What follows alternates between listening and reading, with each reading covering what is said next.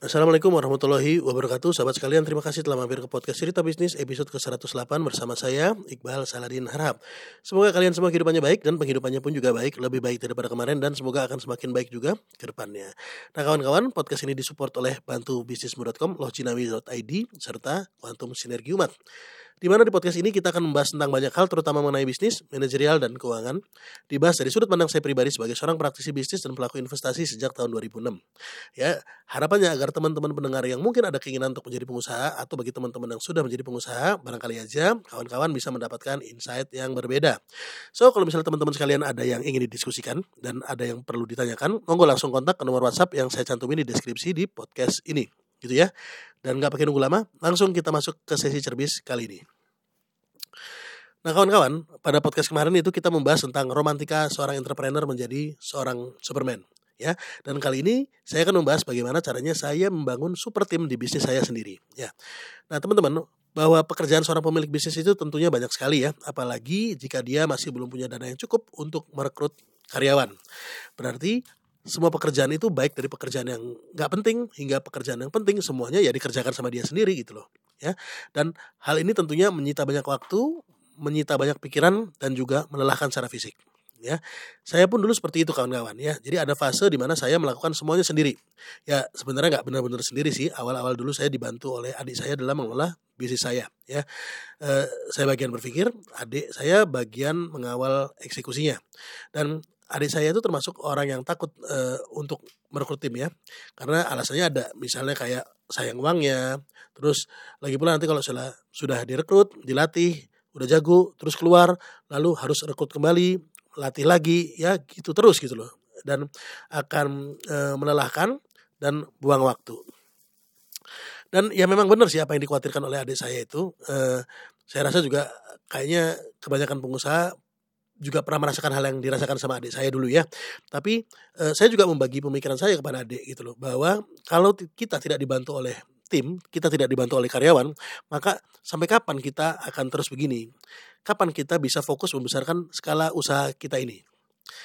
Dan akhirnya setelah dibujuk dan diberikan pengertian, adik saya akhirnya mau untuk merekrut tim. Ya mulai dari satu orang dulu. Dan memang awalnya keluar masuk, wajar gitu ya. Akhirnya sekarang dalam perjalanan adik saya bisa menerima bahwa ya karyawan oke okay lah keluar masuk, nggak ada masalah dan kita nggak perlu baper dalam menyikapi hal tersebut. Ya karena memang dinamikanya seperti itu gitu deh. Dan ke depannya kalau nggak mau repot eh, dalam merak, merekrut dan melatih tim, ya memang kita perlu punya divisi sendiri yang memang tugasnya untuk merekrut, menilai dan melatih tim kerja. Dan eh, inti ya dari kenapa kita perlu merekrut tim adalah agar pekerjaan kita itu lebih ringan teman-teman dan kita bisa fokus untuk menyelesaikan aktivitas yang punya bobot krusial. Nah, agar bisa mendelegasikan pekerjaan kita kepada tim, tentunya kita harus mentabulasi dulu pekerjaan apa saja sehari-hari yang kita kerjakan di kantor. Jadi perlu ditulis selengkap-lengkapnya, sejelas-jelasnya, sedetil-detilnya dari hulu ke hilir.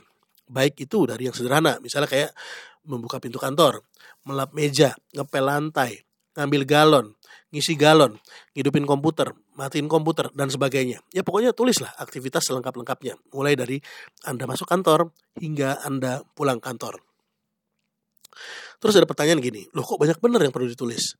Ya memang gitu gitu loh. Menurut saya memang perlu ditulis detail supaya dalam mendelegasikan pekerjaan nantinya nggak ada hal-hal yang terlupakan. Misal, hal yang ramah-ramah aja lah ya. Seperti misalnya ngunci pintu setelah pulang kantor. Nah ini termasuk kewajiban karyawan nggak? Kalau iya, kewajiban karyawan yang mana? Jadinya nanti e, perlu disepakati agar tidak e, saling menyalahkan nantinya ketika pintu kantor misalnya tidak terkunci semalaman. Apalagi kalau misalnya ketika kita tegur karyawan, karyawan jawab, loh bos kan nggak bilang kalau e, harus kunci pintu. Jadi ya nggak saya kunci deh pintunya. Kirain bos yang kunci pintunya. Nah Gak enak kan jadinya kalau karyawan itu berkelit ketika disalahkan, apalagi ketika karyawan menyalahkan balik gitu loh kepada bosnya. Makanya menurut saya perlu ditulis secara detail. Nah, ketika sudah kita tulis, baru berikutnya kita bagi aktivitas-aktivitas tadi ke karyawan kita. Misal, kita baru punya satu karyawan gitu ya, ya nggak apa-apa. Misal dari 500 aktivitas yang kita tulis. Si karyawan ini kita delegasikan 100 pekerjaan, 100 aktivitas. Berarti apa dari 500 pekerjaan yang tadinya kita kerjakan sendiri, pekerjaan kita lebih enteng 20%, ya. Karena apa? Karena yang sudah dibantu sama karyawan kita. Nanti kalau kita mau rekrut karyawan lagi, maka delegasikan lagi tugas yang sudah kita data kepada karyawan baru kita gitu loh. Dan gitu terus gitu loh.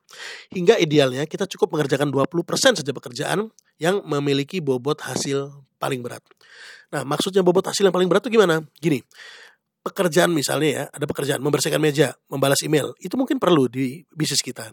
Tapi seberapa besar pengaruh aktivitas tadi dalam hal mencetak cash? Bisa jadi pengaruhnya kecil sekali gitu loh. Sedangkan dibandingkan dengan misalnya meeting dengan calon klien, melakukan penawaran. Nah, hal tersebut bisa jadi lebih besar pengaruhnya dalam mencetak cash, mencetak pemasukan. Nah, kita sebagai pemilik bisnis, kita punya kewajiban untuk memastikan bahwa bisnis kita itu bisa bertumbuh dengan baik.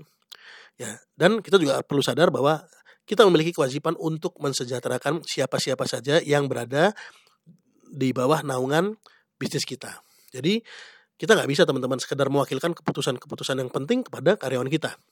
Ya, oleh karena itu ada baiknya hal-hal yang memiliki bobot hasil yang paling besar itu kita tangani sendiri, kita kerjakan sendiri. Nah sering juga ya kita sebagai pemilik bisnis sering kali kita ingin gerak cepat. Pengen ini itu bisanya cepat, selesainya cepat. Sedangkan ada kekhawatiran kalau pekerjaan itu kita serahkan kepada tim kita, kita tahu nih bahwa pekerjaan ini pasti tidak akan selesai tepat waktu kalau e, kita kasihkan ke tim kita lebih cepat kalau misalnya kita ngerjakan sendiri. Tapi ya gimana lagi? Kita harus kompromi.